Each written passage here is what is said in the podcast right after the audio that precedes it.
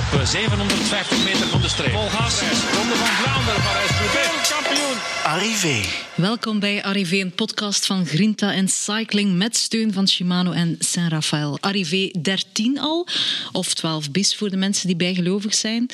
Uh, we zitten hier met wielrenners. Zitten er bijgelovige mensen aan tafel? Ik ben super bijgelovig. Ik ben ah, ja? geboren op vrijdag de 13e. Ik heb 13 jaar gevoetbald met het rugnummer 13. Ik heb mijn eh, been gebroken, dubbel, op vrijdag de 13e. En met mijn hand vastgezeten in de brievenbus op vrijdag de 13e. Dus 13 is voor mij wel een fatalistisch nummer. Oké, okay. uh, aan het woord is uh, Hannes Tahon van Sporza. Minder bekend dan Karel van Nieuwkerken, maar daarom niet minder interessant. Uh, in drie woorden misschien, drie trefwoorden. Wie is Hannes Tahon? een wielergek, informant en gepassioneerd. In door de koers. Ja, en alles dat ik doe eigenlijk. Ja. ja. Um, nog een wielerjournalist of een fietsjournalist, een beetje als maar op twee wielen rijdt. Uh, voor het nieuwsblad dan, Guy Fransen. Dag Guy. Goedenavond. Blij hier te zijn. Dank u. Ja, absoluut. Als het over koers gaat, ben ik altijd graag van de partij. Oké, okay, koers mag je al niet gebruiken. Wat zijn jouw andere drie trefwoorden? Uh, passie. Ik hecht heel veel belang aan mijn beroepskaart, journalist omdat ik als journalist enorm in de samenleving kan manoeuvreren en veel achter de schermen kan kijken, of toch minstens die mogelijkheid heb. En uh, drie, uh, al wat beweegt in de samenleving. Dat is mijn uh, bijzonder aandachtspunt. En dat kan binnen en buiten de sport zijn, als het maar over mensen gaat. Het zijn veel woorden voor drie woorden. Hè? Ja, hè? ik kan er nog lang over doorpraten. Als we uh, mezelf en ook onze patroon Frederik Bakeland meetellen, zitten we hier met vier journalisten. Het zijn vier mensen die gewoon zijn om vragen te stellen, niet om ze te beantwoorden. Is het lastig, heren? Bah, ik stel vooral vragen in het Spaans. Dus, uh, in Nederland stel ik niet zo graag vragen, moet ik eerlijk toegeven. Uh, ik spreek niet zo graag in het Nederlands. Dus nu antwoorden in het Nederlands is misschien... Ik zou liever dat je in het Spaans eigenlijk je vragen stelt. Hola, ¿qué tal? Uh, estupendo. je kent heel wat talen, hè? Um, ja, dat wordt verondersteld omdat ik Spaans-Duits gestudeerd heb. Um, Italiaans heb ik dan nog bijgestudeerd. Uh, Portugees op mezelf.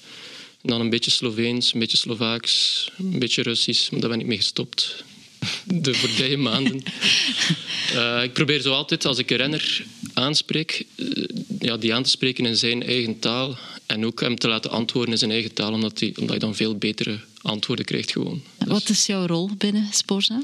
In de eerste plaats werk ik uh, voor sporza.be, dus de website. En dan ja, voor de tv ben ik informant in de cabine. Dus zit ik bij de commentatoren uh, Karel van Nieuwkerk en José de Kouwer. Uh, die geef ik wedstrijdinfo, info over de renners. Uh, ik probeer... Allez, als ik zie dat zij gelukkig zijn, dan ben ik gelukkig. En wat is dat dan? Uh, trefwoorden op een papiertje krabben? ik heb eigenlijk zo'n A4'tje van iedere renner. Maar Karel heeft liever zodat ik in bullets werk. Zodat ik inderdaad zo wat meer trefwoorden of dat ik het wat korter hou, dat hij niet zo'n hele pagina voor zich krijgt. Michel had liever de volledige pagina. En die las dat dan wel voor als het goed was. Um... Maar Karel en, en, Michel zijn twee vaten vol wielerwijsheden. Mm -hmm. Wat kan jij hen nog vertellen dat zij dat niet weten? Ja, die onbekende renners, daar vind je ook niet alles van op internet. En zij hebben ook niet altijd de tijd om dat allemaal op te zoeken. Dus uh, dan probeer ik via... Uh, vriendinnen van de renners of gewoon via de renner zelf door die te spreken op een koers om zo nog aan pikante info te komen. Dat, leuke verhaaltjes eigenlijk. Ah, ja. Dus jij zit uh, meer geconcentreerd op uh, ja, de renners die het pak vullen? Dat vind ik eigenlijk wel. Ik vind dat leuker om zo die, ja, die neoprofs of die, uh, ja, die kleinere garnalen. Het zijn wel ook profrenners, maar ik vind het interessanter om daarmee op te focussen, inderdaad, dan op de grotere renners. Oké. Okay. Ja. Wie is jou dit jaar dan al opgevallen van die kleine garnalen? Wie wordt de coming man of coming vrouw dan van de komende jaren? Uh, coming vrouw, dat is al een bekende naam, maar Zoe Bakstedt, 17 jaar. Ik heb die gesproken in Borselen in Nederland. Ik was echt ik was weggeblazen. Dat is, die heeft uitstraling, die is super intelligent, die kan het supergoed zeggen, die heeft, ja, die heeft alles en superveel talent. Heeft uh, onlangs ook met zeven minuten voorsprong een kermiskoers gewonnen hier in België. Uh, daar heeft ze ook in Borselen met een solo gewonnen. Dat, dat wordt echt de topvrouw. En een godsgeschenk voor het vrouwwielrennen ook. Ja. Ja, en dan is het een voordeel als jij die al uh, gaat contacteren of opzoeken als ze nog niet ja. helemaal bovenaan het firmament staan. Dat klopt. Dat onthouden ze wel uh, later. Dus dat is inderdaad wel uh, een van mijn drijfveren om naar die jeugdkoersen te gaan. Ja. Ben jij ook ooit zo begonnen, Guy? Ja, ik ben uh, als kleine garnaal op de redactie van het Laatste Nieuws begonnen. En ik mocht daar uh, voor grote journalisten zoals Luc van der Kelen en uh, politieke boegbeelden van het laatste nieuws, Piet uh, van Brabant, mocht ik telex afscheuren en die netjes naar hen brengen. En moest ik een verdeling maken tussen binnenland, buitenland en sport. Voor onze jonge luisteraars, telex toch even uitleggen? Telex was uh, de voorbode van wat nu allemaal digitaal binnenkomt, nieuws van de persagentschappen. Dat kwam dan op een printer en die printer die bleef maar papier spuwen.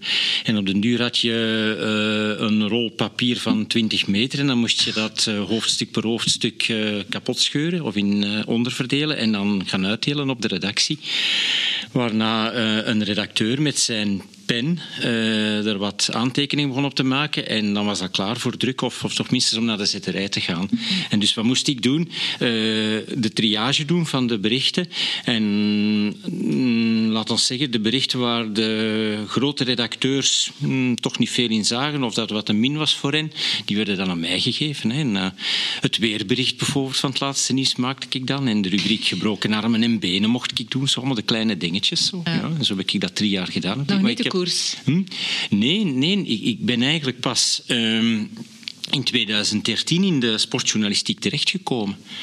Ik heb uh, van 1981 tot 2013 heb ik op een algemene redactie gezeten. Ik ben eigenlijk uh, meer dan twintig jaar politiek journalist geweest. Hm. En het is met die bagage dat ik in 2013, toen ik gezegd had ik wil eigenlijk wel afscheid nemen van mijn rol als hoofdredacteur, ik wil nog wel iets anders doen, dat ze mij gevraagd hebben, zou je dan eventueel de sportredactie willen doen, omdat je toch blijk geeft van grote interesse voor sport. Maar ik blijf sport een heel leuke, toffe uh, rubriek vinden in de krant, of op de uh, nieuwsmerk moet ik vandaag zeggen. Maar mijn grotere interesse, en dat hebben ze op de sportredactie meteen na mijn komst ook gevoeld, dat ik ook andere focus wil leggen op de sportverslaggeving. Mijn grote interesse zit in de maatschappij. Ik... En hoe link je dat dan aan wielrennen? Oh, uh, ik zie heel wat voorwerpen of uh, thema's waar ik aan wielrennen kan uh, beginnen. Hè de gelijkbezoldiging van vrouwen en mannen in de wielrennerij, het prijzengeld, uh, het onderbetalen van renners die niet tot de top behoren, het uh, detacheren van vennootschappen naar het buitenland om sociale zekerheid te ontwijken, uh, het gebrek aan diversiteit in het peloton als we het over etnische afkomst hebben. We zijn allemaal wauw, wauw, wauw. Een zwart gekleurde medemens wint geen twijfel, geen wereldwonder. En denk ik, wielersport, we zijn wel 2022 mm -hmm. en zo kan ik doorgaan. Hè. op de redactie, ik zal eerlijk zijn, tien jaar geleden toen ik daar binnenstapte, of het was 2013, toen ik toen sprak over vrouwenwielrennen. Dat was voor de journalisten in kwestie een straf. Daar moest toch niet over geschreven worden. En dan hadden wij op de redactie discussies over zoals dat soms nog wel eens gebeurt met het vrouwenvoetbal, van ja, maar die rijden toch niet rap en dat is toch niet serieus en dat is toch maar zo. Ken je dat zo? Dat ik dacht, en zaten er toen al vrouwen op de redactie? Nee. En uh, als ik in iets niet geslaagd ben, want ik heb nu uh, op 18 maart op mijn 63ste verjaardag afscheid genomen van de sportredactie. Uh, als ik in iets gefaald ben, dan is het dat wel. Ik heb slechts één dame kunnen bij ons houden. En de rest is gekomen en gegaan. En dan heb ik mij heel vaak de vraag gesteld: is dat nu echt zo'n mannenwereld? Is dat nu echt zo? Worden die vrouwen er echt uitgeduwd? Hoe komt dat toch? Dat is bij, bij Sporza ook lang gezegd geweest. Hè? Mannenbastion. Ik heb de indruk dat daar toch wel min of meer. Ja. Dat het normaal is dat daar vrouwen ja. komen werken. Ik denk, vijf weken geleden zat ik uh, in het weekend uh, op de redactie. Dat er vier vrouwen zaten en één man en dat was ik. Dus dat ik dacht van ja, als we spreken over diversiteit uh, binnen de VRT of de sportredactie, dat we dan wel toch goed bezig zijn. Het kan natuurlijk ook zijn dat die vrouwen binnen moeten blijven en dat de mannen de leuke brokken hebben buiten. Ja, maar ik merk toch dat... Uh, nee, ze zijn blij. En ze zijn ook supergoed. Ze zijn echt getalenteerd. Um, ja, het zijn eigenlijk mijn leukste collega's zelfs. Nu, ik moet wel toevoegen dat mij altijd opviel dat er, als er een vacature was, er heel weinig vrouwelijke kandidaten waren. Heb ik, mij, ik heb ook een tour gedaan langs de hogescholen waar de journalistenopleidingen uh, zitten en waarmee we samenwerken voor de stages. Het viel mij ook op dat bijvoorbeeld voor de stageplaatsen er heel weinig vrouwen zich kandidaat stelden. En als er dan alleen was, dan was ik bijzonder blij. Hè. Dan dacht ik, godverdorie, eindelijk. Maar ja, dat was dan ook weer een foute ding, want dan was ik die misschien weer wat aan het overbeschermen. Van, het moet lukken hier. Hè. Maar het is, althans voor onze sportredactie, het is helemaal geen... Uh, afspiegeling van de samenleving. En als ik het dan vergelijk met de algemene redactie, die is wat dat betreft veel beter af. Dus uh, ja. Aandachtspunt. Ik wil het nog over één detail hebben dat je ook liet vallen. Hè? Die, die telex en dat, uh, dan dat triëren en, en neerpennen, daar kroop tijden. Als je het nu vergelijkt, we zitten hier met iemand van sporta.be. Mm Dat is à la minuut online verslaggeving. Ja. Dat, dat is constant gefocust zitten. Je mag ja, eigenlijk hebben we geen... met moeite naar het toilet gaan op ah, zo'n moment, denk ik. Geen seconde ademruimte eigenlijk. Uh, inderdaad, als je naar het toilet gaat, dan moet je echt je gsm bij hebben. Want het zou kunnen zijn dat je ietsje sneller moet plassen om uh, snel een uh, breaking bericht te pushen. Dat is dat al gebeurd? Tijdens het eten gebeurt dat veel. Allee, veel. Ja, ene keer op tien avonden, denk ik. Maar dat vind ik dan veel, want dat is zo even op adem komen, heb je echt wel nodig. Als je zo'n online actua-shift hebt en uh, ja, als je dan moet lopen naar de bureau, of ja, omdat... Uh, ik weet niet, een trainer ontslagen is of omdat Mathieu van der Poel plots zegt dat hij toch Milan, dat hij Milan Sanremo rijdt. Ja. Snelheid houdt ook soms fouten maken in. Gebeurt dat dikwijls? Ja, bij mij is dat al gebeurd. Echt stom. Uh, David Goffin was uh, aan tennissen op een Grand Slam toernooi. Ik was even vergeten dat hij drie sets moest verliezen om uitgeschakeld te zijn. En ik, ik had die push al klaarstaan en na twee sets had ik, had ik hem al uitgeschakeld verklaard. uh, dus iedereen die... het was ook een algemene push, dus iedereen die op Sporza, Sporza geabonneerd was, heeft dat gekregen. En dan een uur later hebben we dan gezegd de voorspelling, of het waren uh, voorspellende woorden, is, dan, is nu echt uitgeschakeld. Oké. Okay. Ja, dus maar jij, lag, jij lag niet buiten ook? Nee, ik was er wel uh, even echt... Dan heb ik zo heel de nacht eigenlijk mijn haar uitgetrokken. Zo van, godverdomme. Dat zal wel. Dan uh, zit er even niet goed van. Maar ja, dat is een beetje het gevolg van inderdaad snelheid, ja, die pushberichten, dat is superbelangrijk op iedere Iedereen wil de eerste zijn, hè? kranten, de verschillende tv-zenders, al de online concurrenten. Ja. ja.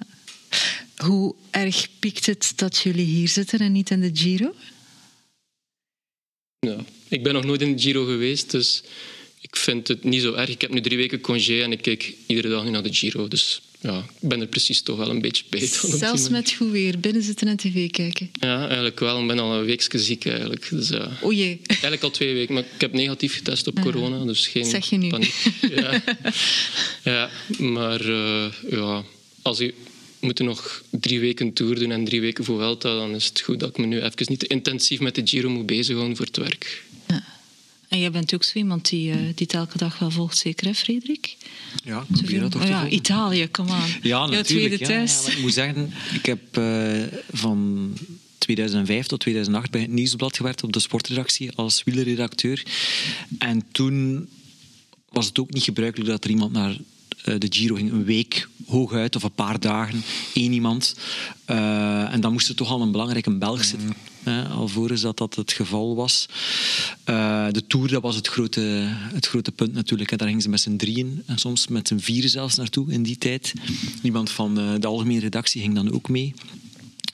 Um, ja, maar ik volg inderdaad, om op die vraag terug te komen, ik volg uh, zeker graag de Giro. Maar het moet nog allemaal een beetje gaan losbarsten. We hebben al een mooi begin gezien natuurlijk. En, en, uh, maar het kan nog, een hoogtepuntje was zeker de Gent, bijvoorbeeld. Uh, maar, maar ook in het algemeen klassement hebben we al een paar dingen gezien. Van, van der Poel natuurlijk en dergelijke. Maar uh, ja, het is boeiend om te volgen. Al, al zou ik het toch liever op Sportza zien. ja, ik Doet zou het zeer om naar Eurosport te kijken? Zeer, zeer... ik, ja, niks tegen die mensen natuurlijk, maar ik, ik vind het toch aangenamer om, luisteren, om te luisteren naar uh, bijvoorbeeld, dat zal het geval zijn binnenkort voor de Tour en de Vuelta, Renat Schotten. En dan uh, de Kouwer ernaast. Ja. Natuurlijk, het is voor de huidige commentatoren Jeroen en Karsten die daar commentaar geven, is ook niet altijd evident. Hè. Ik bedoel, als je dan quasi van bij de start... dat ze, ze geven heel veel etappes helemaal. En dan vind ik het toch wel een, is het wel lastig om het boeiend te houden. Ehm, je moet al een hele, hele grote rugzak aan, aan kennis en bagage hebben om het zinvol allemaal te vullen. En het niet te veel over taartjes te hebben of over uh, Ze hebben goede taartjes in uh, Italië nogthans. Ja. Is, is um, meer dan ooit uh, op de redactie een gevecht van wie er op locatie mag gaan werken? Um, Want meer en meer worden mensen gewoon in België gehouden, toch? Hè? Om, Ja. het, uh, om aan ons- verslaggeving te doen, bijvoorbeeld. Ja, bij ons is het eigenlijk eh, enorm verminderd door corona en ook besparing. Dat is ongelooflijk. Drie jaar geleden ging ik nog naar de Tour, de Vuelta en 2K en nu naar nergens. Alleen is het allemaal in Brussel. Dus een gevecht, ja. We zenden nog altijd interviewers uit en ook onze radiocommentatoren, die gaan ook naar de Tour. Maar ik merk, ik merk niet veel van het gevecht, alleszins. Dus als er al een gevecht zou zijn. Wel, ik heb... eh kom straks nog even op, op uit, maar eh, tijdens die epic tournee die we nu doen, met die zaalshows die we doen met José de Kouwer en, en met Karel Bertel, en jij ook, maar Karel meestal de presentatie doet, eh, gaat het soms over het feit, en José steekt dat altijd door naar, naar Karel, dat Karel altijd mee mag naar de tour en op zijn motor een beetje mag praatjes maken, terwijl hij, en ik quote José, in de kelder van de VRT zit Ja. om eh, tijdens de tour en de Vuelta te, te, te commen- commentaar Ja, vorig jaar was het niet echt een kelder, maar het was wel een donkere ruimte met een palmboom. Met een palmboom. Ja, en zo wat, eh, ja, denk rood of groen licht, wat dat je ook vindt in de glazen straatjes. Ik weet niet wie er dat daar geplaatst had. Een pina colada. Ja, een beetje vakantiesfeer dan toch, omdat we niet in die bakoven van de Tour zitten, zeker. Ja. Maar nu hebben ze een nieuwe ruimte, echt op en top blijkbaar, omdat ze ook weten dat we daar vele jaren, of misschien ja, decennia lang, commentaar gaan moeten geven vanuit Brussel. Een hele goede ruimte die ik nog niet gezien heb, maar het schijnt wel... eh, Maar ik denk toch wel dat het een meerwaarde is om er effectief te zitten. Hè. Zeker, Dat, ja, zeker voor eh, José. Ja. Voor José zeker ook het, het, het, fi- het eh, fietsen was eigenlijk José zal niet meer fietsen, maar met de wagen de, de, finale, de finale rijden. En eh, ik denk dat het dat toch wel van meerwaarde kan zijn. Er kan geen enkel rood boek Voor de tegenop. Ja, voor de parcourskennis, Ja. voor de finale. En eh, ik weet dat hij daar eh, enorm veel ja, tijd in steekt en dat graag doet. En, en ook, daar komt dan nog iets zinnig uit natuurlijk ook. Ja, als ex-renner, als je, dan kun je echt die, die inschatting maken als je dat parcours verkent, inderdaad, die finale. Dat doen we ook altijd als we naar de aankomst rijden. Zo, José kijkt dan in het roodboek en zegt hij, ja, je mocht de GPS, we moeten nu niet meer volgen, we gaan daar afslaan. En dan, op de laatste 30 kilometer, soms dan een keer in een straatje waar dat tegenstelde richting is, dat ik dan even naar rechts moet. Dan kan er spookrijder ben, maar dan wil hij alles gezien hebben. En je ziet dat, dat is nog die ploegleider die dat dan eh, observeert en al direct analyseert. Ja, dus, dat mist hij echt keihard. Maar, ja. Is dat- Joyce, als ik even mag op jouw vraag, hè, zo van, is dat belangrijk om ter plaatse te gaan? Allee, ik zie dat mijn wielerjournalisten daar enorm aan hechten. Hè, en de prestige eh rittenwedstrijd is uiteraard de Tour. Hè. We hebben zes, zeven wielerredacteurs. Ze zouden alle zes, zeven willen gaan. Dat gaat natuurlijk niet. En ik begrijp dat ook. En dat siert hen ook dat ze ambitieus zijn om te willen gaan. Hè. Dat eigenlijk dat ze met hun vak zeer gedreven willen bezig zijn. Hè, maar dat gaat niet. En zij zien dat als een... eh, ja, bijna als een straf of een slecht functioneren als ze niet geselecteerd worden. Het is bijna van ze moeten op de bank gaan zitten. Maar wat dat ook is, en daar kunnen we niet blind voor zijn, de journalistiek is veranderd. Hè. Vroeger eh, investeerden wij in... eh, collega's die achter de renners aangingen na de aankomst en die eh, de interviews vastnamen en dat dan uittikten voor de krantendag nadien. Dat is voorbij. De reacties van de renners die plukken wij van televisie. En dat doe je niet on spot, dat doe je op de desk in Antwerpen. Dus wij zeggen tegen de reporters, dat hebben we al niet meer nodig. Hè? Wij willen eh, mensen die voor meerwaarde zorgen de dag nadien een stuk maken dat een soort analyse is, uh, maar niet meer de reacties. Uh, de interviews moeten we ook niet meer hebben, want dat is morgen al gedateerd. En je ziet dat je in je bezetting, in de mensen die je naar Ginder stuurt, een totaal andere aanpak moet gaan nemen. Hè, of je bent niet meer mee.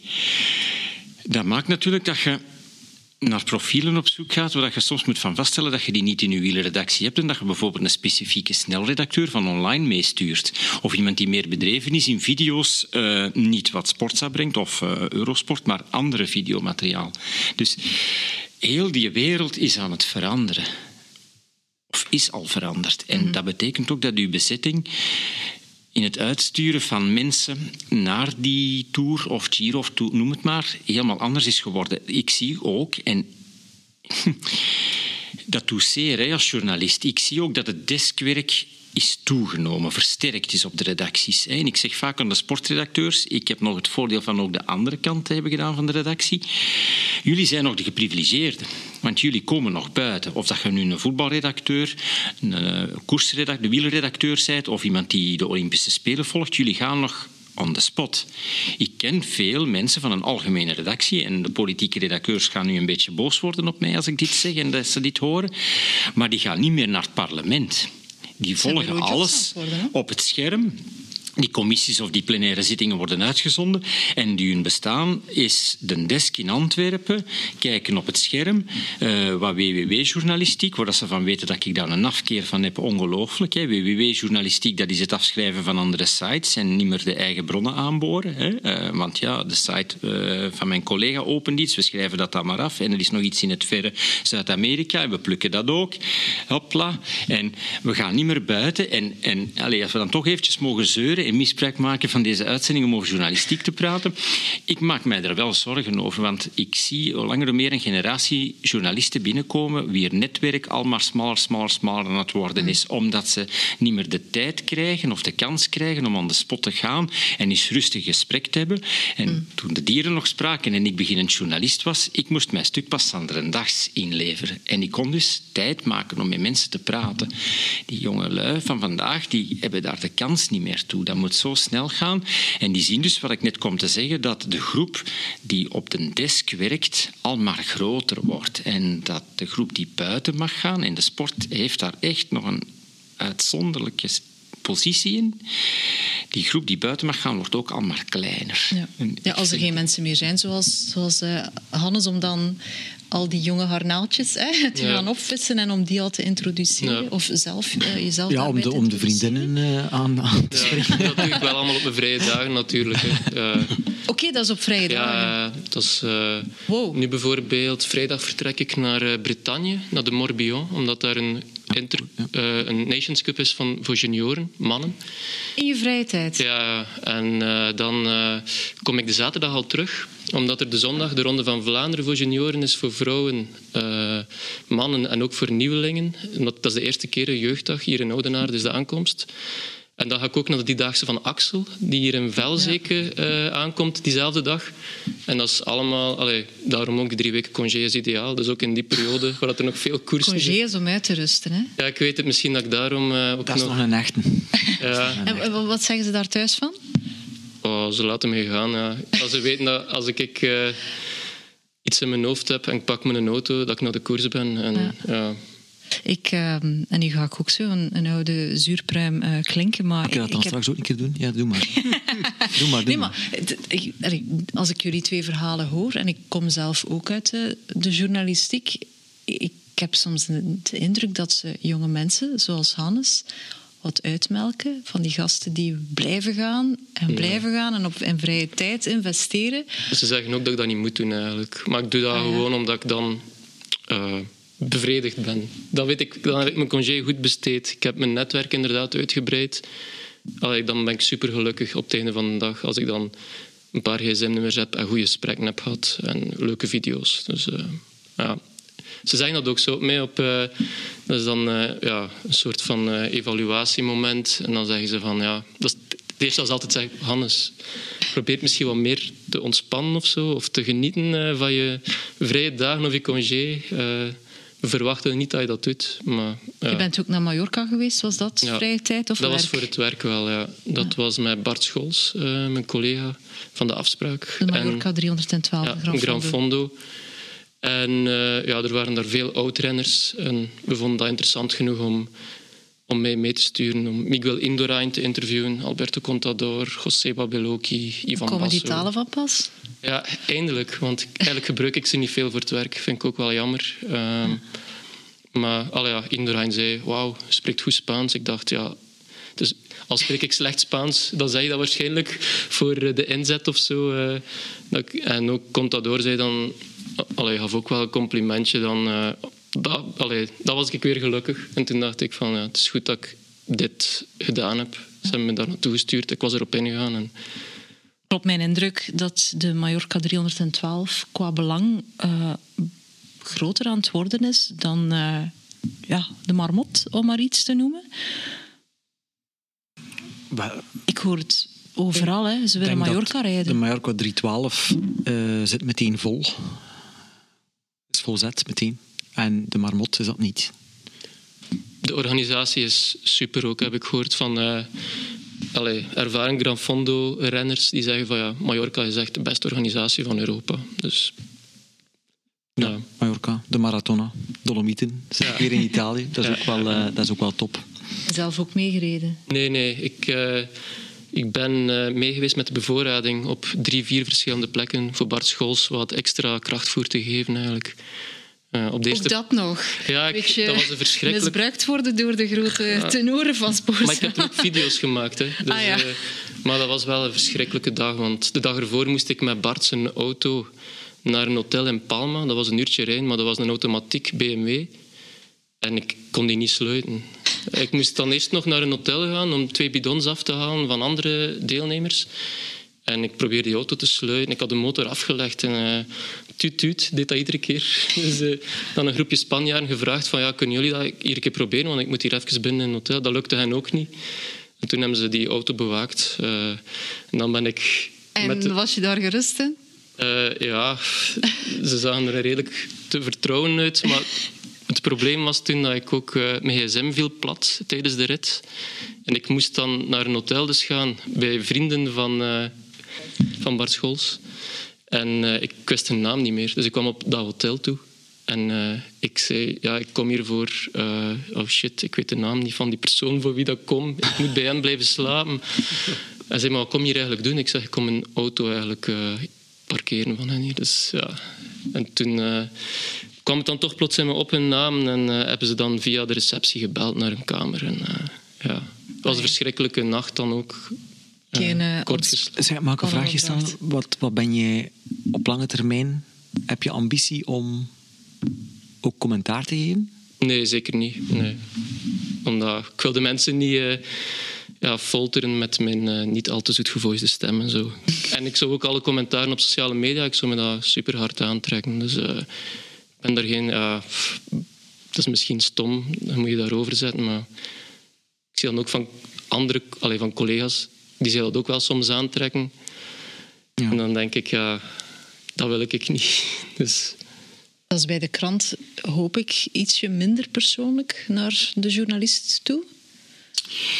Let op, hè, als mensen achter hun eh, computer zitten en ze hebben maar een mailtje te versturen, dan krijg je rare berichten. Hè. Ja. En dan zie je dat daar eh, een kern is waarover het gaat. En daar hebben ze recht van spreken. Ze mogen kritisch zijn, ze moeten kritisch zijn. En als we fouten maken, mogen ze dat zeker en vast zeggen. Maar dan krijg je zo de veralgemening. Zo, en dan worden ze brutaal. Nu, om een anekdote te vertellen. Eh, toen ik hoofdredacteur was, kreeg ik zo een aantal mails binnen en die gingen dan over de huidige hoofdredactrice of redacteur Lisbeth van Impe, over haar commentaren. Bij twee van die mails heb ik eh, het adres opgezocht van de afzender. De eerste woonde in Brugge, de tweede woonde in Roeselare. En ik ben naar hen gereden, zonder verwittiging. En bij de eerste in Brugge eh, heb ik aangebeld. eh, en die deed open. Ik heb mij voorgesteld als hoofdredacteur. En ik zag een kruis hangen. En ik zei, ik ga met de deur in huis vallen. Het is niet bepaald christelijk wat je gemaild hebt. Hè. En die heeft me dan uitgenodigd. Ik ben binnengegaan. Ik heb gezegd, zeg nu een keer waarover het gaat. En ik ga u zeggen dat ik niet meer neem dat je zo uh, brutaal bent, echt beledigend. Uh, dat is goed geëindigd. We hebben nog altijd een band. En de tweede, in Roeselaar, net hetzelfde verhaal. Ik ben daar ook naartoe gereden en ik heb hetzelfde gedaan. En dat is ook. En ik antwoord op elke mail, maar ik zeg wel erbij, als ik vind dat dat brutaal is, dat dat niet hoort. Ik zeg dat. En dan krijg ik meestal als reactie, ja, maar het is niet zo bedoeld. Ja, dan moet het ook zo niet schrijven. Zo herkenbaar. Dan, is op een dan moet dat ook niet... Allee. Zo herkenbaar. Maar ik geef ze antwoord. Hè. Of als ik kan, zoek ik een telefoonnummer en bel ik. Ik, ik doe dat dus ook. Hè. Ik, ik laat dat niet gaan. ik laat die ook niet gaan. Ik bel die ook op. En dan is dat altijd zo. Op, en dan krijg je ze aan de lijn en dan, dan schrikken ze. Dan ja. verwachten ze dat totaal niet. En dan zeg je ook waarop dat staat. Vriendelijk, maar kordaat. En dan is het een heel ander verhaal. Hoeveel mails dat ik al binnengekregen... Allee, mails zo massa nu ook weer niet, maar ja, ik ga mijn advocaat erbij halen, bijvoorbeeld omdat er een, een bestelling wat te laat geleverd is van onze webshop. Ik zeg maar iets, hè. Zegt, man, mensen komen, komen snel, zijn mijn advocaat vind ik dan. Mensen zijn zo mondig als ze anoniem zijn. Ja. En als je dan effectief ermee mee praat of ermee confronteert met die uitspraak, dan is het heel wat minder. En uh, ja, die, die tact is er zo niet meer. Ja. Allee, goed. Ik vind die Facebook-beheerder van Sporza hilarisch. Die, die, oh. die, zet al humor in de titels op zich ja, ben jij dat? Nee, nee, nee, dat is een collega. Ik weet wie dat is. Uh, Heerlijke kerel wel, hij is dat geknipt voor. Die is altijd met zijn gsm ook bezig. Die zit ook alles altijd te controleren van sociale media. En dan wandelt hij soms tegen je, omdat hij met aan het kijken was naar zijn gsm. Die antwoorden zijn ook zo tong oh. chic, hè, als ja. mensen comments opgeven. Ongelooflijk, fantastisch, die kerel. Een beetje de verzuring uit de wereld helpen. Ja, ja, ja. ja, ja. Verdiende standbeeld in een kerel. En mag ik nog dat zeurderige dat ik nog ging doen uh, hm? over de journalistiek? En dan, dan denk ik zo altijd aan... De, ik had dan keren we terug naar de fiets, hè? Ja, een keer, terug naar de, keer we terug naar de fiets. Dan denk ik aan de Giro van 68 in Savona. En Jan Wouters mocht daar verdorie op die hotelkamer binnen. En, en Eddy Merckx, de wenende Eddy Merckx, gaan interviewen. Ja, nu moet je... Nu, ja, ja, nu krijg je geen emotie meer te zien, of zeer weinig te zien. En uh, nu moet je daar achter dat lin blijven, of achter dat hekken blijven, of thuis blijven, nog erger. En of moet je voorbij een perschef, of moet je voorbij dit of voorbij dat. Dus uh, ja... Kortom, moraal van het verhaal, vroeger was het allemaal beter. nee, nee. Maar goed, er is toch veel veranderd. Eén ding dat dit jaar verbeterd is, is het initiatief van G dit jaar. Hè? Iedereen Flandrien, want daar hebben we het nog niet over gehad. Ehm, Bicycle Guy, dat ben jij. En jij wou iets doen voor de beginnende fietser. Ehm, en intussen is dat project ook afgerond, denk ja. ik. Ja. Heel kort, wat, wat wou je bereiken? Ja, het verhaal begint bij fietstochten die ik zelf heel veel maak. En dan uh, kreeg ik wat vrienden mee die beginners waren. En tijdens dat fietsen zag ik vaak, en nu gebruik ik een verkeerd woord, fouten. Die zaten fout op de fiets of die hadden een foute fiets. Die wisten niet hoe dat ze een bocht moesten nemen. Die trapten een te zware versnelling. Er gebeurde van alles. Dat ik dacht, dit klopt niet. En hoe kunnen die nu gaan genieten van het fietsen als die zo fout bezig zijn? En dan dacht ik, ja, waar gaan ze het ook halen? Hè? Je, je hebt wel sites waar je wel wat informatie over hebt, maar ik dacht, ik loop ook, ik ben ook in een atletiekclub en daar heb je dan zo programma's als Start to Run en dan vind je heel de begeleiding. En ik denk, we gaan toch nog meer moeten inzetten op hoe leer ik fietsen? Hoe koop ik een fiets? Hoe ga ik fietsen? Hoe gaan we dat een beetje toch wel wat een instructie geven? En zo is de oorspronkelijke titel was Start to Bike. En dan uh, heb ik een beetje later tegen mezelf gezegd: nee, je moet daar het woord Flandrien aan verbinden, want je hebt het gala van de Flandrien. En de marketingafdeling heeft er dan van gemaakt: iedereen Flandrien. En dan. Uh, heb ik lesgevers gezocht. Hè. Dat was aan en Jolien Doren met wat tips. En dan gebeurde er iets zeer merkwaardig. Ik had eigenlijk als een nevenproject uh, Christophe de Kegel, de bewegingswetenschapper, de coach van Mathieu van der Poel, ook gecontacteerd van hoe leer je mensen nu trainen, hoe moeten we trainen. En plots bleek dat eigenlijk het populairste van allemaal. Daar kreeg ik enorm veel reactie op. Mensen willen weten hoe ze moeten trainen. Hè. Dus uh, we hadden meer dan 10.000 inschrijvingen, 10.700. dat is veel. Ja, maar dat was allemaal... Ja, het is ondertussen 80.000 keer gedownload, die trainingsschema's. dat bleek eigenlijk de hoofdinteresse te zijn, zowel bij beginners als bij gevorderden, van hoe moet ik trainen? En als ik erop terugkijk op het project, dan zie ik daar ook wel een enorme meerwaarde in. Niet dat Jolien en Thibaut moeten ondergesneeuwd worden in hun lessen van hoe moet je fietsen, maar hoe moet ik trainen is in gewicht wel aanzienlijk uh, groter geworden in het project dan het oorspronkelijk bedoeld was. En een tweede ding wat ook door mij onderschat werd, ik had als derde poot uh, dokter Servaas Binger rond voeding en verzorging. Ook daar bleek een veel grotere interesse dan ik had ingeschat. Van wat moet je nu eten, drinken, niet eten, niet drinken voor, tijdens en na het sporten. En dat, is, ja, en dat maakt dat het dus een heel groot pakket is geworden dat wij op ons lezers hebben losgelaten. Ja, hobbyisten zijn ook meer en meer professioneel bezig met hun hobby. Eigenlijk, Komt het op neer, hè? Eigenlijk zit iedereen Flandriaan gewoon in ons vaarwater. In het vaarwater van Grinta. Uh, omdat wij dat ook al 15 jaar doen. Uh, maar dan zie je de impact van een medium à la het nieuwsblad natuurlijk veel groter is. Hè. Veel grotere massa mensen die het bedient. Terwijl wij natuurlijk een special interest medium zijn. Dan moet je al leren kennen. Je moet al de stap zetten om het te kopen, specifiek te kopen of een abonnement te nemen. Dus dan zie je dat daar de, de, de, zeggen, de remming is die bij ons is. Terwijl wij eigenlijk dat soort content, dat is eigenlijk onze core business. Hè? Dus van, van fietsers betere fietsers maken is eigenlijk hetgene wat we doen. Al, die, al de, de mensen die, die Guy opsomt, ja, Die, die zijn ook bij ons aan bod gekomen. Ik moet wel zeggen, vind ik wel dat er bij ons misschien iets te weinig uh, rond training en voeding uh, verschijnt in het magazine zelf. Dat vind ik wel. Hey, we hebben ook gezien tijdens de coronaperiode, toen dat we al ook met experts experten samengewerkt hebben om die elk filmpjes opnamen en dan hun tips gaven. De een over voeding, de ander over training, over indoorfietsen en dergelijke, voor, dergelijke meer. Dan is dat, heeft dat enorm goed aangeslaan. Mensen zijn op zoek naar informatie. En die trachten mij ook altijd al te geven. Maar ik zie, hier zie je dan de slagkracht van een medium à la het nieuwsblad. Dat en wat, wat Guy ook heel goed heeft gedaan, is inzetten op diversiteit was een zeer diverse groep qua leeftijd, man, vrouw, kleur. Ik moet zeggen, het is wel ik zeg niet uh, zeer relevant dat dat gebracht is, maar dan herinner ik mij ook nog in mijn begindagen bij het Nieuwsblad, uh, eh, 2005 of 2004 was dat denk ik waren er ook al dergelijke initiatieven van... Uh, ik herinner me dat een van mijn opdrachten toen was om vier lezers te volgen die zich voorbereiden op de Ronde van Vlaanderen voor wielertoeristen. En dan moesten we die ook met, met, met een... Het was toen een schema van Paul van den Bos. Toen dan moesten de, deze persoon die doet 70 kilometer, de andere de 140 en de andere de, de volledige afstand. Dus dat soort van trajecten, dat slaat gewoon aan. Dus mensen kunnen zich daar gemakkelijk mee identificeren.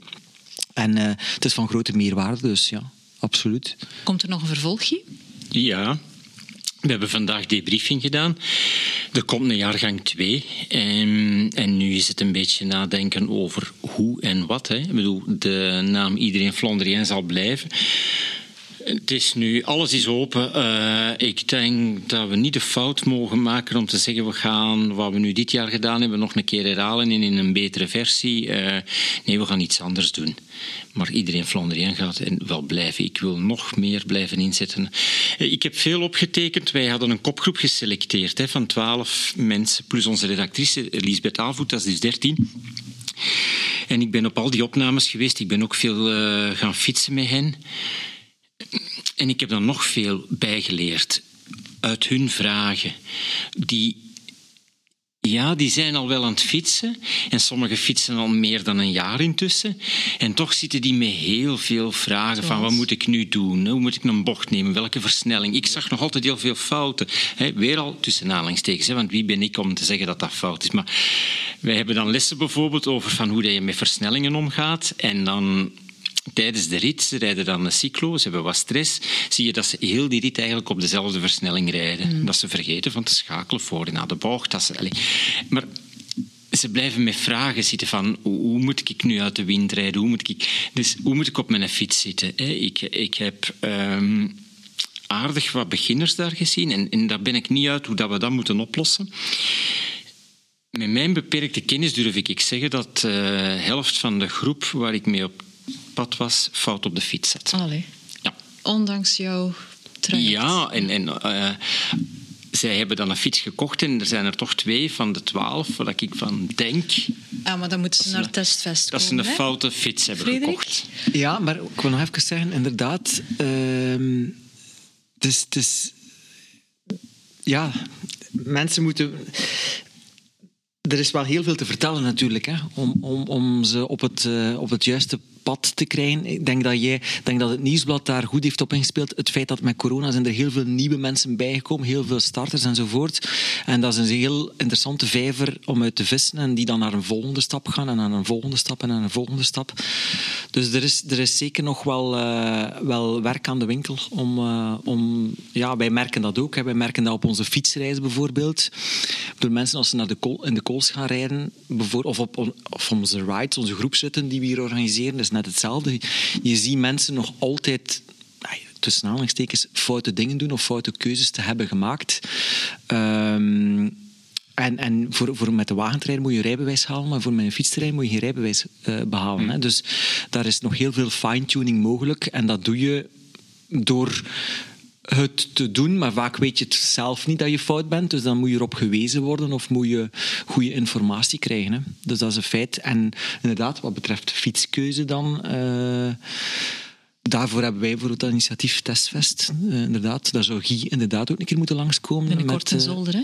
ja, binnenkort in Zolder, omdat je daar, daar krijgen de mensen de kans om op het circuit Zolder op 4 juni is dat, zaterdag 4 juni, om fietsen van een twintigtal aanwe- aanwezige merken aan de lopende band eigenlijk te testen. Dan kan je echt wel gaan voelen. Het is interessant om, een keer, om daar effectief een keer eh, te bekijken hoe dat je dat moet voelen. Hoe dat je een, hoe dat je een fiets moet aanvoelen, wat dat je moet opletten en dergelijke. En dan als je, ze, als je bijvoorbeeld zeven fietsen, maar dat is, dat is denk ik realistisch, om zeven tot tien fietsen na elkaar te gaan fiets, eh, testen op het circuit. Je doet een rondje op het circuit en je komt terug in de, in de pitlane en je gaat in de pitbox van dat merk binnen en je, je dumpt die fiets daar weer in. Liefst niet gooien. Liefst niet gooien. Of je geeft hem mooi af natuurlijk. Dan ga je naar de volgende eh, fabrikant en die test een andere fiets die je graag, eh, die je graag ziet of waar je interesse voor hebt. En dan kan je echt wel gaan, gaan aftoetsen van eh, deze fiets ligt mij meer of minder. Of, eh, En dan, dan ja, aldoende leert men. Hè. Dat is een interessant concept. Denk dat, eh, via wat dat ik nu gezien heb, hè, eh, dat is... Allez, fietsen is een populaire sport, hè,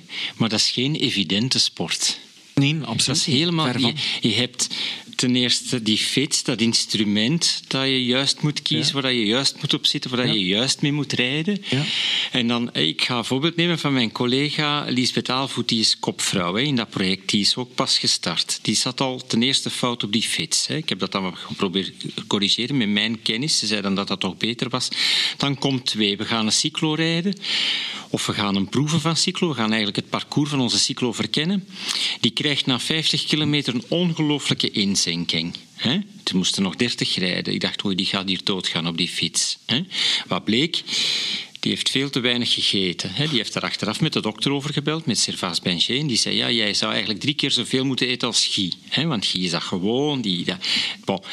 Ontmoedigend, hè? Je zult het maar meemaken, zo fietsen zijn. eh, en je moet nog 30 kilometer op die fiets hangen, half doodgaan. Hè. Eh, weer al iets dat niet evident is. En zo kan ik heel wat dingen noemen. Hè. Eh, verkeer, hè, snelheid.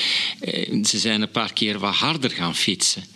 Ja, dan wordt het een beetje akelig als je boven de 35 gaat als beginner. Of ze moesten niet op de Nieuwe Kwaremond naar beneden rijden. Of op de Trieu met die Bonais. Ja, naar beneden rijden en snelheid maken. Voor een beginner is dat wel Ja, tuurlijk, ja. bepaald vies. Hè? Die, die knijp die zitten verkrampt. Dus dat is... Dat is lang geen evidente sport. Eh, En dan denk ik, als ik dat vergelijk met lopen... Ach, ik doe mijn sloeven aan, ik ga wat lopen. Er zal wel eens iemand eh, zeggen van, houd uw handen verkeerd, of weet ik wat. Maar, bon, dat is het. Ja. Maar op die fiets, dat is verdraaid. Ja, zeker, Er moet je bijna een opleiding voor gekregen hebben. En Zoals Frederik zegt, je zou bijna een, soort eh, rijbewijs voor de fiets moeten, voor de koersfiets. Maar, Ja, wij, wij doen het nu vaak in de koolsfietsen, bijvoorbeeld remtechnieken, daaltechnieken, bochtentechnieken. Daar is wel veel over te zeggen, om de- hoe Ja. dat je dat goed doet. Hè. Want je, als je daar achter, achter, met alle respect, maar achter sommige mensen fietst en je, je zou die lijn volgen, ja, dan komt het niet echt goed. Hè. D- Er zijn echt wel een aantal basisregels die je kan volgen en die, die, die, die, de, een betere fietser van je maken. Hè. Fiets jij zelf ook vaak, Hannes? Ja, wel, vroeger enorm, maar sinds dat ik in Brussel woon, eigenlijk amper, want dat is eigenlijk zelfmoord plegen, daar de fiets uh, opkruipen. Ben vrij, allee, vorige week ben ik nu wel eens gaan fietsen, omdat een Tsjechische vriendin mij dat gevraagd had. En uh, ja, dat was echt een zottekot. Niet alleen die fiets, het is precies een autosnelweg vol fietsers. En dan die auto's die daar eigenlijk geen rekening mee houden. En ze zei ook, ja, iedere keer als ik hier op de fiets rijd door Brussel, ik weet niet wat er mee overkomt. Dus ik laat het gebeuren, maar ik ben ja, in mijn hoofd, ik denk niet na. Het is allee, een verschrikking eigenlijk. Ik ben ook al een paar keer door Brussel gefietst. Je hebt um, een aantal fietsroutes om van de ene naar de andere kant van de stad te gaan. Maar dat zijn niet meer dan een paar suggestiepijlen, toch? Hè? Ja. Op straat waar auto's compleet gewoon hun gang gaan. Ja, klopt. En uh, de auto's dat rijden, was mijn zelfs, rijden zelfs een fietspad op. Want in de Rijderslaan hebben ze nu zo wat betonblokken gezet om zo echt een fietspad te scheiden van de weg. Maar de auto's komen van de autosnelweg gereden. En ze rijden gewoon... Ze denken dat dat toch een uh, autoweg is. En dan rijden ze eigenlijk gewoon recht op het fietspad in. Dus, uh, ja, en zelfs te voet is het al levensgevaarlijk in Brussel. Als je min van het zebrapad komt, dan rijden de auto's nog door. Dus fietsen en, en wandelen in Brussel, er is, er is nog veel uh, ruimte voor verbetering. Ja. Ja. Ik heb jouw Facebookpagina's uitgevloeid, Guy. Daar staan heel veel terrasjesfoto's uh, van als je gaat fietsen. How to terras of how to drinken koffietje. Is dat ook onderdeel van de goede wielertoerist? Ja, en, dat is bewust. Hè. En, ik zal u daar de voorgeschiedenis die niet ver teruggaat, maar die ik begin januari toch wel gezet heb. Ik ben ook op Strava en ik was het een beetje beu van daar uh, dingen te zien. Ik denk, hm, het moet hier altijd maar sneller en sneller en sneller. Ik zie het ook als ik op het jachtpad ben. Uh, het is bijna dat je tegen profs aan het rijden bent. En ik denk, fietsen is toch ook genieten. En ik heb dan uh, rond uh, kerstperiode contact gehad met Victor Kampenaerts. En ik zei, Victor, ik zou heel graag hebben dat je een nieuwjaarsbrief schrijft. Ah, hè. Victor, ik heb het voor Victor, ook omdat ik klant ben in het café van zijn onkel, de Mombasa. En Victor zei, willen we het een keer hebben over het weglaten van de fietscomputer. Over genieten. Zei, we gaan toch eens aan die wielertoeristen moeten zeggen dat er altijd wel zullen zijn die uh, beter zijn in de komst. Hè. Je gaat niet winnen tegen Mathieu van der Poel. Die rijdt trouwens twee keer zo snel over de snelste strook op de Kwaremond als ik. Hè. Dus twee keer zo snel. Bon, dus. En ik heb toen tegen mezelf gezegd, ik ga op mijn bescheiden kanaal Facebook vanaf nu aanduiden dat ik, als ik ga fietsen, dat dat ook genieten is. En ik kwam Victor tegen tijdens de Chasing Cancellara. Hij was toen het parcours van de ronde nog aan het verkennen. En het eerste wat mij opviel was dat hij geen fietscomputer op had. En denk ik, we gaan dat moeten meer en meer durven weglaten en genieten. En daar hoort ook een koffietje bij. Hè. En uh, ik spreek nu over een thema dat uh, Frederik veel beter kent dan ik. Maar als ik in Italië ben en daar ga fietsen, daar is dat pas echt. Die gasten die stoppen, die drinken een koffietje. Even snel zijn die terug buiten. Dat is geen kwartier dat dat duurt, maar dat is gewoon een, espresso een mindset. Meteen en, up, binnenkappen en je bent weer ver, verder weg. Hè. Voilà. En daarom vind je op mijn Facebook. En uh, twee jaar geleden had ik nog een ander project op mijn Facebook. Want ook daar, maar je moet willen rondkijken. Hè. Toen heb ik uh, van elke tocht dat ik deed foto's genomen van kapelletjes die ik tegenkwam. Ik ook, kapelletjesbaan. Ik had zo'n hashtag zo kapelletjesbaan. Ongelooflijk. Kapelletjes, dat je dacht, maar je zeg, kunt geen... Hebben nog meer, samenwonen. hebben nog meer gemeenschappelijk dan men dacht eigenlijk. Nee, nee, absoluut. Nee, nee, hetzelfde ook. Uh, ik heb ook geen fietscomputer hè, trouwens. Ik rij nooit met een fietscomputer. Uh, en een koffiestop ben ik altijd voor in. Ik ben absoluut geen uh, halve zot of hardrijder zoals sommigen denken dat ik ben. Maar ik ben absoluut niet, in tegendeel. Dus ik ben grote voorstander van het betoog van Guy, want men vindt zich allemaal nogal. Uh, moet het niet te serieus gaan nemen. Hè. De grote mannen zitten in de Giro en in, in, in de Tour straks en weet ik waar allemaal. Vandaar ook onze rubriek co-fietsen in elke grinta. Ja, ja. Ja, hebben elke keer een koffiebar. eh, Steven Niers, onze redacteur, gaat altijd een koffiebar gaan opzoeken Super. en uh, beoordeelt dan en maakt altijd een heel leuk tekstje daarbij. Dus, uh, En dat wil niet zeggen, Frederik en Joyce, dat je is niet af en toe voor jezelf eens een keer kan zeggen, nu ga ik knallen. Hey, ik kwam gisteravond thuis, ik was naar de grote prijsvermarkt geweest, ik had nog een uurtje. En dan ben ik op dat jaagpad en ik denk, wat ga ik nu met dat uur doen? Ah, wel, ik ga een keer eens blokjes van vijf minuten knallen. Hè. Dat is plezant. Dan heb je zelf een keer gechallenged. Dan kom je Ja, terug en- thuis en denk je, oh, ik heb een goede training gehad. Er is niks fout mee met Nee. een fietsdoel te stellen ook. Hè? Nee. Waar dat je een keer naartoe leeft enzovoort. Maar, Maar, je het moet mag het ook kunnen relativeren. dat zijn. er moet meer zijn. Ja, akkoord. Eh, Ik vind fietsen ook, ik vind dat zo leuk van met vrienden of zelfs met wildvreemden. Als ik langs het kanaal fiets, ik fiets meestal alleen. En dan heb je veel makkelijker toegang tot anderen. En dan rijd ik daarnaast en ben ik vrij nieuwsgierig. Dan vraag ik vrij direct, wat doet u voor job? En ben u in een club? En, die, allee, en dan is dat soms een gespreksje van eh, vijf tot tien kilometer. En dan scheiden de wegen. Maar dan denk ik, bon, hij weet iets of zij weet iets over mij. En ik weet iets omgekeerd. Allee, ik vind dat, dat is fietsen. Dat is het nu niet, Hannes, om wat meer te, te fietsen opnieuw? Ja, zeker. In Mallorca heb ik daar ook eh, die Gran Fondo-renners ge- aan het werk gezien. En allee, dat competitieve die in hen zit, dat zit zeker ook in mij. Maar eh, ik ben nu een beetje gefocust op lopen, omdat ik merk dat ik met mijn lopen door minder training ietsje allee, dichter bij de sub-subtop kan geraken dan met fietsen. Ik heb, die, ik heb geen tijd. Ik zou ook wel naar zoveel fietsen als die Gran Fondo-renners. En die doen dat... Ik weet niet hoeveel uren dan die per week... Ik denk dat dat 15 uren per week is of zo. Minstens. Ja, of twintig misschien. Eh, met lopen kun je met minder tijd wel beter worden dan dat je ja, met minder tijd een goede fietser wordt. Ah ja, je moet naar al die jeugdwedstrijden gaan kijken. Ja, wel, ja, dat zal ik toch niet laten vallen. eh, ja. Ehm, harde hardrijders, eh Epic Tournee, daar wou ik het nog even over hebben. Eh, Frederik, je- want je zei het al, hè, je bent eh, op tournee. Ehm, wat zijn de, de, de verhalen waar het meest reactie op komt eh, vanuit de zaal? Want eh, je bent nu al een tijdje bezig. Wat leeft het meest? Eh, wel, ik moet zeggen, we hebben een, een, een vast tramien, hè, dus een beetje de, de, de gebruikelijke verhalen die wel terugkomen, soms wel, wel met een extraatje of een an- anekdote die er toch plots weer bij komt. Geen enkele avond is dezelfde, maar eh, de avond wordt toch ook vooral gemaakt door één, de special guest. Die, die heeft toch wel een, altijd een andere... Bijvoorbeeld, we hebben al Lucien van Impe gehad, Johan Museeuw, eh, binnenkort Adrie van der Poel en, enzovoort, Nico Matan en, enzovoort. Maar eh, het verhaal waar het meest toch eh, naar gekeken wordt, is dat van Jacques Anquetil. Ik dacht het. Ja, ja. De Het, ingewikkelde familiehistorie. de familiehistorie van Jacques Anquetil. Dus, dus eigenlijk het, het Wacht, hè, want Guy kent het, dat is overduidelijk. Niet fietsgerelateerd. Nee, helaas. Probeer het eens kort te schetsen, Frederik. Hannes. Hou je vast. Oké. Dus Pen en papier. kan niet de stamboom tekenen. Ja, je moet keer de stamboom tekenen. Dus Jacques Anquetil heeft een relatie met eh, Janine. Ehm, tot het einde van zijn carrière in 1969 hebben zij samen geen kinderen gekregen. Maar Janine had al twee kinderen uit haar eerste huwelijk. Dat zijn Annie en Alain.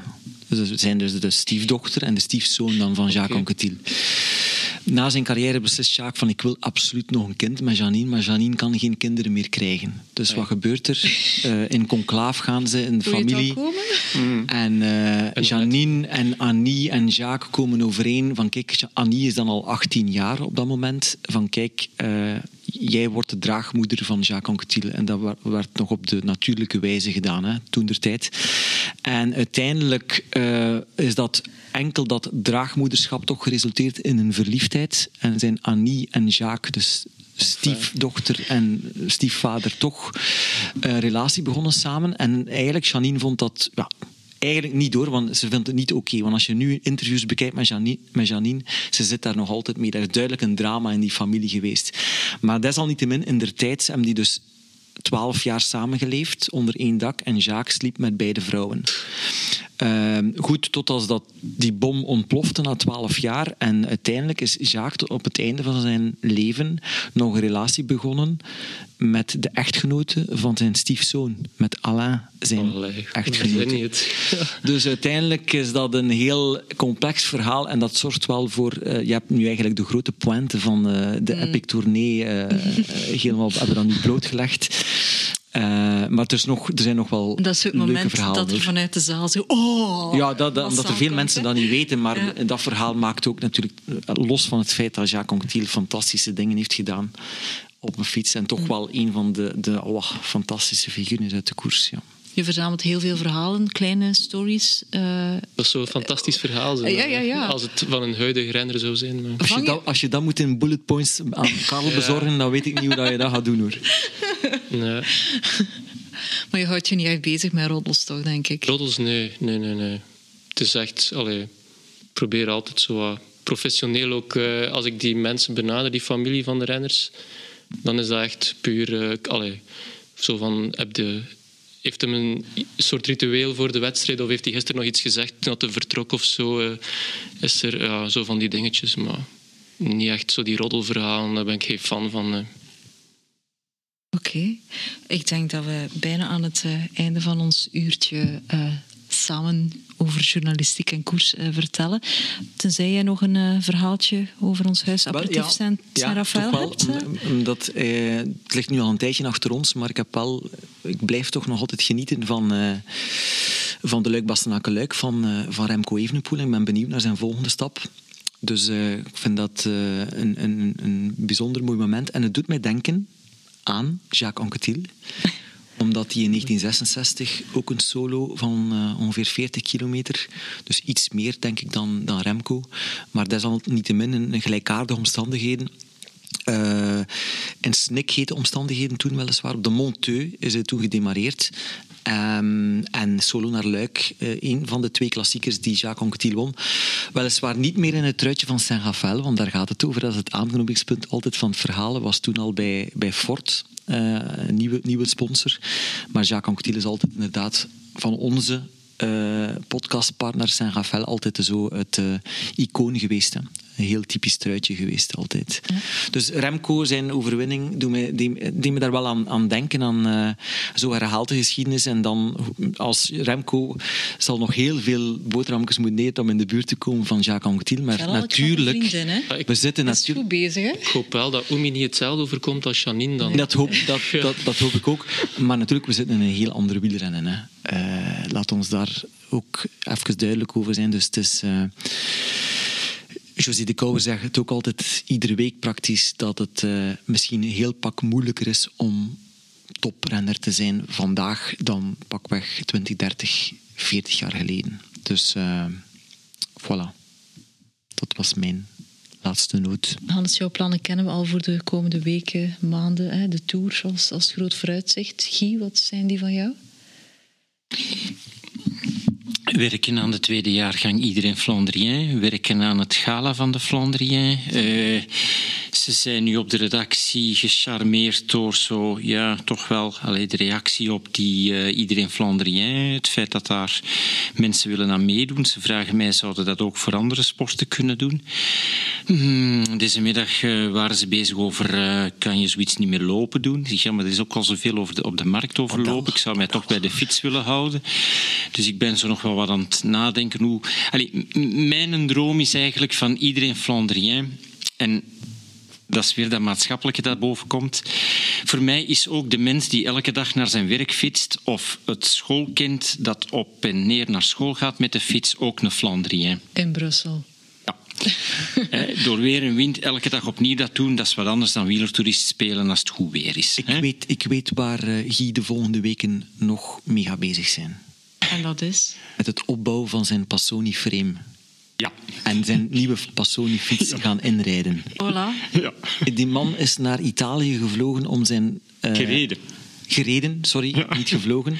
Gereden om uh, zijn Passoni-frame in de fabriek van Passoni te gaan ophalen. Dus dat is ook dedication. En waarom specifiek die fiets? Omdat ik die jaren geleden op een cyclo van Grinta voor het eerst heb gezien. En dat was iemand die daarmee reed en die zei, deze fiets zou je eens moeten rijden. En, ik dacht, en ik zat daar naar te kijken en ik dacht, oh, dat is een bijzondere fiets. En die zei, dit is pas comfort. En dan kwam ik bij mijn fietsenwinkel in Kluisberg en ik zag die daar ook staan. En dacht, hm, ooit, ooit, ooit ga ik dat doen, zo'n Passoni. Zo. En allee, weer al, ja ik heb altijd zo'n klein kronkeltje hierboven. Dat zo, uh, bij bepaalde dingen wringt het bij mij. Hè. bijvoorbeeld het wringt bij mij dat de Amerikanen alles hebben overgenomen en dat de productie van de fietsen volledig in het Verre Oosten zit en dat wij manuele zijn kwijtgespeeld. En met name het mooie Italiaanse, hè, dat is. En dus deze Passoni-fiets wordt in Italië gemaakt. Hè, een fabriekje van vijf mensen. De man die de fietsen maakt, die heeft dan nog de voornaam. Ik vroeg aan hem, mag ik een foto van u nemen? En mag ik ook weten hoe, hoe u eet, heet? En die zei, ja, mijn voornaam is Rubens. Zalig. Ik zei, dit is fantastisch. Hij ziet er ook uit Hij ziet eruit als Rubens, hè? Rubens. Ja, ik heb die foto's en Rubens maakt de fietsen. En ja, ze maken 250 fietsen per jaar. Dus eh, ze zitten ongeveer een 50 uur aan zo'n fiets te werken. En denk ik, dit is nog echt handarbeid. En dat charmeert mij. Ook omdat dat dan in Italië blijft. Een beetje, zo, een beetje protectionistisch van mij misschien Hoeveel geredeneerd. betaal je daar dan voor? Hm? Durf je dat te zeggen? Hoeveel betaal je daar dan voor? Ja, eh, en dankzij mijn eh, contract bij mediahuis kan ik dat via een leaseplan doen. Hè? En die kost mij 11.000 euro. Wow. Ja. Fietsen is een beetje een levensstijl. Hè? Ik bedoel, dat is toch zo? Dat is wel zo, hè? uiteraard. Echt, jullie moeten gaan samenwonen. En ga je hem ook helemaal zo... eh, gemaakt. ga je- is het- Maar, maar misschien, nee, we gaan niet samen worden. maar Ik denk dat we wel veel meer gemeen hebben dan we, dan we weten. Want Ik als wel. ik dan nog even terug mag, hè, oh, en dan kom ik terug bij het begin van mijn carrière, die zich vooral in de politiek afspeelde. Ik heb ten eerste heel veel politici tot vriend en tipgever kunnen maken dankzij het fietsen.